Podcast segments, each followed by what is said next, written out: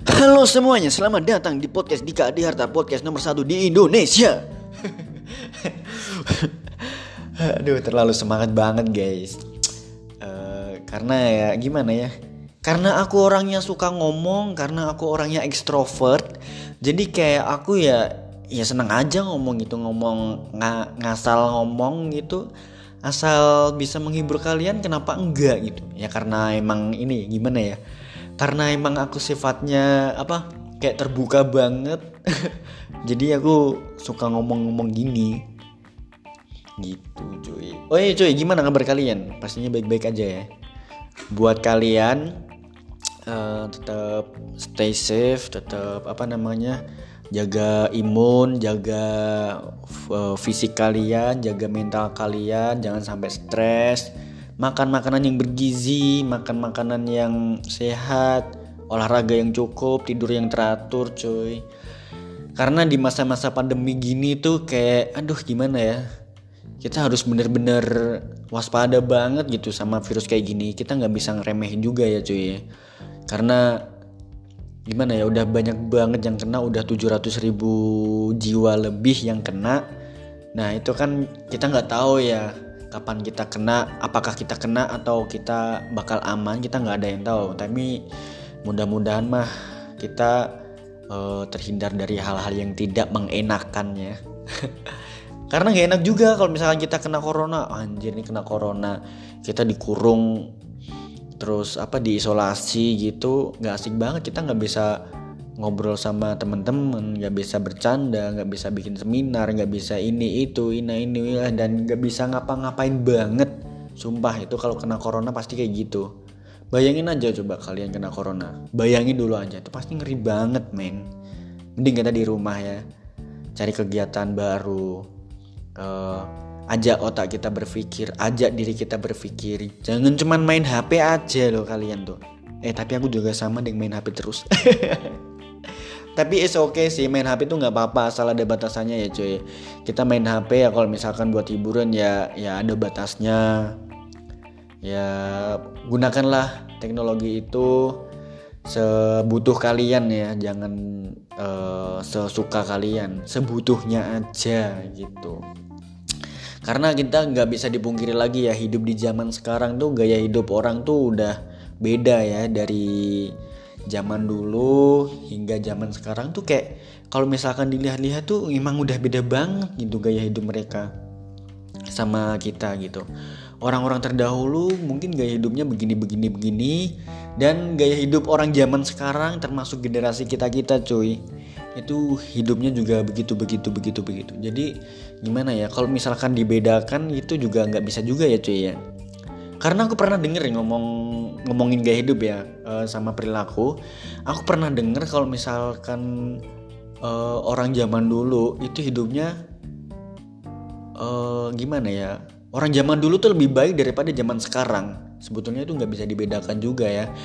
Uh, yang diartikan baik itu kan sangat luas sekali ya cuy ya uh, kalau misalkan dari sisi teknologi kecepatan produksi dalam industri itu ya jelas lah bagusan zaman sekarang. Zaman dulu kan masih pakai tenaga manusia.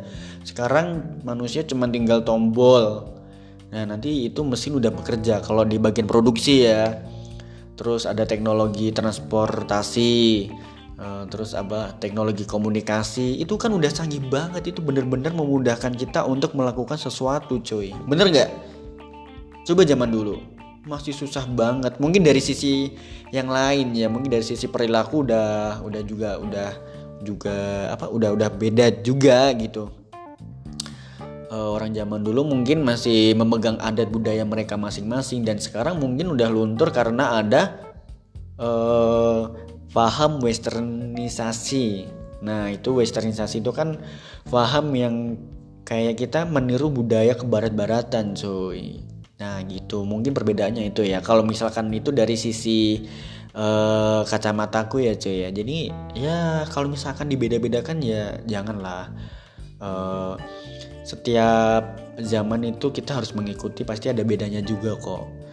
Uh, gimana ya Tuhan itu menciptakan dua hal cuy semuanya. Ada baik buruk, ada siang malam, ada kanan kiri, ada atas bawah, lalu ada baik dan buruk ada positif dan negatif. Dan semuanya berpasang-pasangan men. Jadi intinya ya kita nggak bisa membeda-bedakan. Bener nggak? Ya iya banget. Pastinya bener dong. Ya itu sebetulnya sudut pandang juga ya tentang perbedaan-perbedaan seperti itu. Jadi yang jelas kita harus benar-benar menanam rasa toleransi kita terus ras uh, etika kemudian apa lagi ya pengetahuan kita itu harus semakin dikembangkan. Nah kalau misalkan etika terus uh, toleransi dan ilmu pengetahuan itu tidak ada semuanya kita bakal terjebak dalam perbedaan-perbedaan yang tidak jelas yang datang dari argumen-argumen kelompok-kelompok tertentu coy. Tahu nggak maksudnya pasti tau lah ya nggak perlu aku jelasin. Jadi uh, di tengah-tengah gimana ya demokrasi negara kita ini kan kayak ada uh, informasi yang simpang siur terus uh, apa namanya uh, perbedaan politik perbedaan uh, adat perbedaan budaya perbedaan ideologi perbedaan kelompok cara memandang. Nah itu kan semuanya membutuhkan etika. Nah, etika tuh kalau uh, kalau misalkan ada orang yang berbeda sama pendapat kita, etika kita harus bagaimana, toleransi kita harus bagaimana. Terus uh, ilmu yang kita dapatkan dari mereka yang di uh, yang menyampaikan ke kita tuh gimana gitu. Jadi ada menurut aku ada tiga faktor itu yang membuat uh, negara kita sebetulnya ayam-ayam aja. Nah, cuman kan karena ketidakadaan tiga itu mungkin negara kita tidak seimbang ya, cuy ya. Ya intinya sih ke sumber daya manusia ya cuy ya. Uh, kita harus benar-benar um, lebih banyak berkaca lebih banyak uh, belajar uh, melihat kondisi apa namanya ya melihat kondisi sekitar kita. Ya masih banyak lah. Intinya tuh kita harus belajar cuy. Ya cara belajar tuh kan banyak banget ya caranya ya. Ada yang di formal ada yang non formal ada yang di kampus ada yang di non kampus ada yang di organisasi ada yang di masyarakat. Nah banyak banget lah kalau misalkan kita mau belajar. Nah itu uh, kita perlu belajar pelan-pelan agar mengetahui hal-hal apa yang terjadi pada saat ini. Dan budayakan membaca juga tuh karena kalau dilihat-lihat zaman sekarang ya membaca itu kayak budaya membaca itu udah kayak uh, luntur coy. Dulu tuh gini ya aku pernah bikin blogspot sama satu lagi di uh, medium.com nah itu ada dua tulisan. Nah itu uh, dua dua media tulisan itu berbeda-beda. Yang satu karena uh, tulisan tentang cinta-cintaan gitu yang di blogspot. Kemudian yang di medium.com itu tentang ilmu pengetahuan sama cerpen cuy. Jadi kenapa aku bikin kayak gitu? Karena itu adalah satu hal yang membuat aku mengeksplor apa ya gimana ya mengeksplor pikiranku. Kemudian aku bisa sangat mudah membagi-bagi linknya untuk biar bisa dibaca sama orang. Nah maksudku adalah ketika aku udah membaca eh, ketika aku sudah mem, uh, apa menulis sebuah tulisan lalu aku uh, share ke teman-teman itu biar teman-teman tuh membaca gitu. Meskipun respon mereka terhadap aku terhadap uh, apa karyaku itu macem-macem itu nggak apa-apa. Yang penting mereka tuh membaca. Jadi kalau misalkan udah membaca mereka tuh tahu kan ih ini dia kan nulis apaan sih Nah, jadi itu e, jadi itu nanti pasti bakal berpikir. Jadi filosofinya adalah ketika kita sudah membudayakan membaca, kita bakalan tahu di dalam informasi tersebut ada apa aja. Jadi kita bisa e, mengeluarkan apa ya? E, perbedaan pendapat kita. Nah, itu yang bisa mengekspor cara berpikir kita. Nah, itu salah satu maksud aku kenapa aku bikin tulisan, cuy. Karena ya gimana ya, kita nggak bisa pungkiri. Coba orang-orang tuh lebih berat uh, baca story orang lebih berat uh, nontonin mantengin media sosial Instagram Twitter Facebook. Kayak gitu loh. Jadi mereka tuh kayak uh, membacanya tuh sangat kurang banget. Bahkan mereka mungkin membaca berita juga ya. Itu cuma dibaca uh, apa ya namanya thumbnailnya doang kalau nggak salah thumbnailnya cuma dibaca thumbnailnya doang. Misalkan berita ini ini ini ini. Padahal itu masih banyak banget eh, kalimat-kalimat uh, yang harus diselesaikan untuk dibaca tapi nggak dibaca di dalamnya nggak diklik. Nah itu orang-orang mungkin banyak banget yang seperti itu. Nah mulai dari ke sini ke sini tuh makanya aku sekarang suka membaca berita di dari Twitter. Makanya aku uh, kemarin uh, nginstal Twitter di Play Store Nah, uh, kalau misalkan di Twitter kan uh, aku uh, apa coba ngefollow detik detik.com terus CNN Indonesia, kompas.com. Nah, itu semuanya uh, sumber informasi yang terpercaya lah. Tapi ya aku berusaha buat membaca semuanya sampai selesai. Makanya kalau misalkan uh, informasi tentang politik, tentang ekonomi, sosial dan pemerintahan itu pasti aku selalu update. Apalagi tentang uh, virus pandemi corona kayak gini ya. Nah itu kayak aku selalu update gitu. Dan kalau membaca berita itu kadang-kadang gimana ya coy? Kita harus benar-benar hati-hati juga. Dalam membaca itu kan kita uh, gimana ya coy? Uh, ketika kita membaca sebuah kalimat itu kadang-kadang kita kita bisa terdistraksi dengan kalimat tersebut. Tahu nggak maksudnya? Terdistraksi itu maksudnya terpengaruh gitu. Kalimat bla bla bla bla bla bla. Oh iya ya ternyata. Itu padahal bisa jadi hoax guys. Coba kalau hoax terus tiba-tiba kita nggak berpikir gitu. Makanya ketika kita membaca satu kalimat saja itu kita harus berpikir gitu.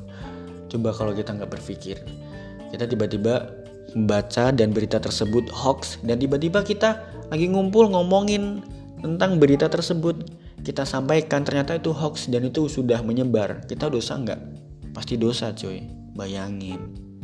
Makanya aku suka membaca tuh dari banyak uh, minimal tuh tiga media. Yang pertama dari detik.com yang kedua uh, kompas.com, CNN Indonesia. Oh iya satu lagi itu ada satu lagi itu uh, portal Muslim. Nah itu aku pasti baca di situ. Jadi semua itu sama aku suka dibanding-bandingkan. Kalau misalkan beritanya sama semua berarti itu bukan hoax. Gitu cuy. Ya yang jelas sih kalau membaca tuh hati-hati ya. Karena kadang-kadang eh, nggak uh, semua manusia memang memang nggak semua manusia mudah terpengaruh tapi kalau misalkan pun beberapa orang terdistraksi dengan kalimat tersebut, nah itu bahaya banget. Nah makanya hati-hati ya buat membaca. Ah, memang ini ya menarik banget yang ngomongin tentang membaca. Uh, terus sebelum apa aku hobi menulis, aku tuh suka membaca-baca buku. Karena gini ya, uh, aku ini orang desa, orang kampung yang datang ke kota. Nah, datang ke kota tuh kayak aku bener-bener apa? Oh, uh, apa ya istilahnya norak banget gitu. Datang ke Bandung tiba-tiba tanpa punya ilmu apa-apa. Kalau aku pada saat itu berpikir gini ya, kalau misalkan aku datang ke kota nih, uh, kalau aku nggak punya ideologi yang kuat, tidak punya kemampuan, aku bakal mudah ditindih sama orang lain. Aku pada saat itu berpikir kayak gitu. Nah, lama-lama aku uh, mulailah ini pas lagi kerja gitu lama-lama mulai berpikir gimana caranya bisa mendapatkan ilmu di perantauan. Akhirnya aku masuklah kuliah. Masuk kuliah pun aku masih takut. Lah kenapa? Coba bayangin coy Nih aku orang kampung masuk ke kampus, sementara orang kampus itu orang-orang orang kota semua men, orang Bandung. Dari kota-kota mana lagi tuh? Dari Padang ada, lalu dari tapi kebanyakan dari Jawa Barat sih orang-orang kota. Masuk ke situ. Kalau misalkan diajak ngobrol gak nyambung. Terus diajak diskusi gak nyambung. Diajak bercanda gak nyambung pengetahuanku kurang itu kan kayak kelihatan kampungan banget gitu ya nggak sih? Makanya dari situ mulai semester satu awal itu aku uh, beli buku habis itu baca. Nah yang aku bilang tadi uh, aku apa coba sering baca berita di beberapa uh, empat media tadi CNN Indonesia Kompas.com portal Muslim detik.com nah itu sama aku diinstal semuanya suka dibaca semuanya terus lama-lama ngedownload Twitter dan buku beli sering beli buku gitu. Terus belajar berorganisasi sama teman gue yang ini apa yang anak-anak organisasi gitu. Terus mencoba membuka apa membuka diri untuk berteman sama siapa aja. Terus belajar memandang uh, seseorang.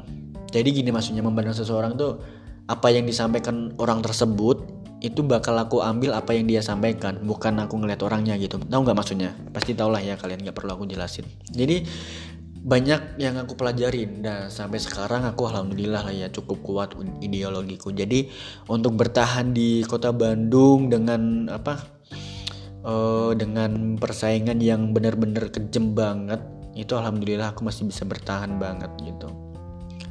Jadi ya gimana intinya tuh belajar sih belajar belajar dan belajar bayangin deh kalau misalkan kita pergi dari uh, tempat tinggal kita, kita meninggalkan keluarga, meninggalkan kawan-kawan di desa, meninggalkan rumah.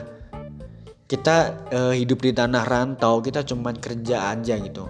Jadi kalau kalau kata Buya Hamka tuh gini, kerbau itu kalau bekerja itu ya bekerja aja gitu.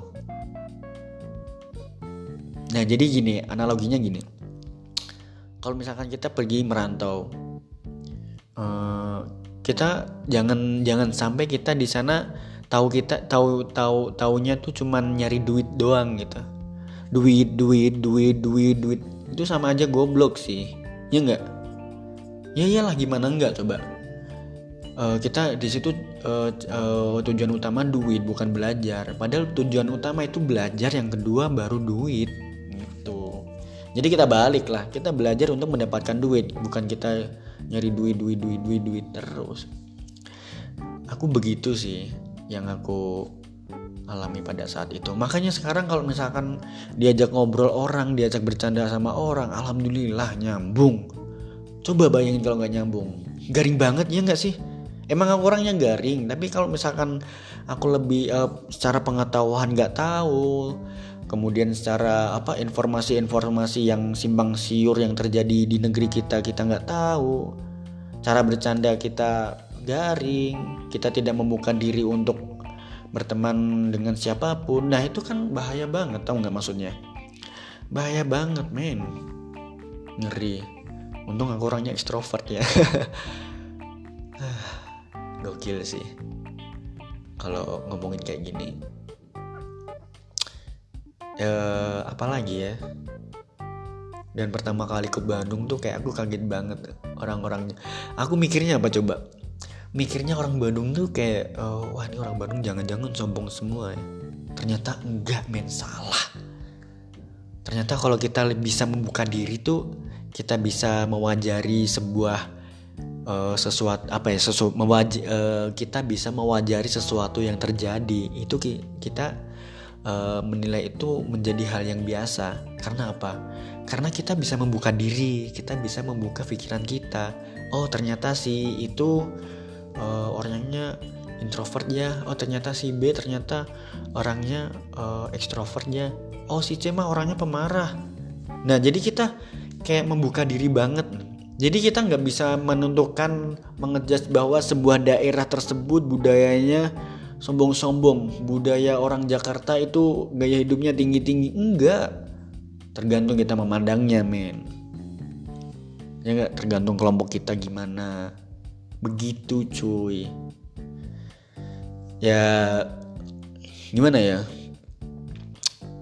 Ya intinya kita inilah membuka diri terus belajar.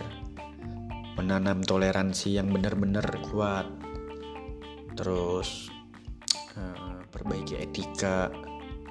Ya itulah buat apa ya agar hidup kita enak gitulah. Coba kalau ini apa kita nggak mau belajar? Wah jadi orang goblok deh. Ya nggak cuy? Dah ya, kita uh, ngomong udah hampir 20 menit men Sumpah nih untung uh, ada kopi nih. Coba kalau misalkan hidup kita tanpa kopi anjir itu bakalan garing banget sih. Nih kalau minum kopi itu ya wajib dinginin nggak tahu kenapa ya kalau misalkan kita minum kopi sambil seret gitu. Itu asa enak banget gitu. Coba kayak gituin apalagi kopinya anget. Apalagi kopi buatan istri. Yuhui.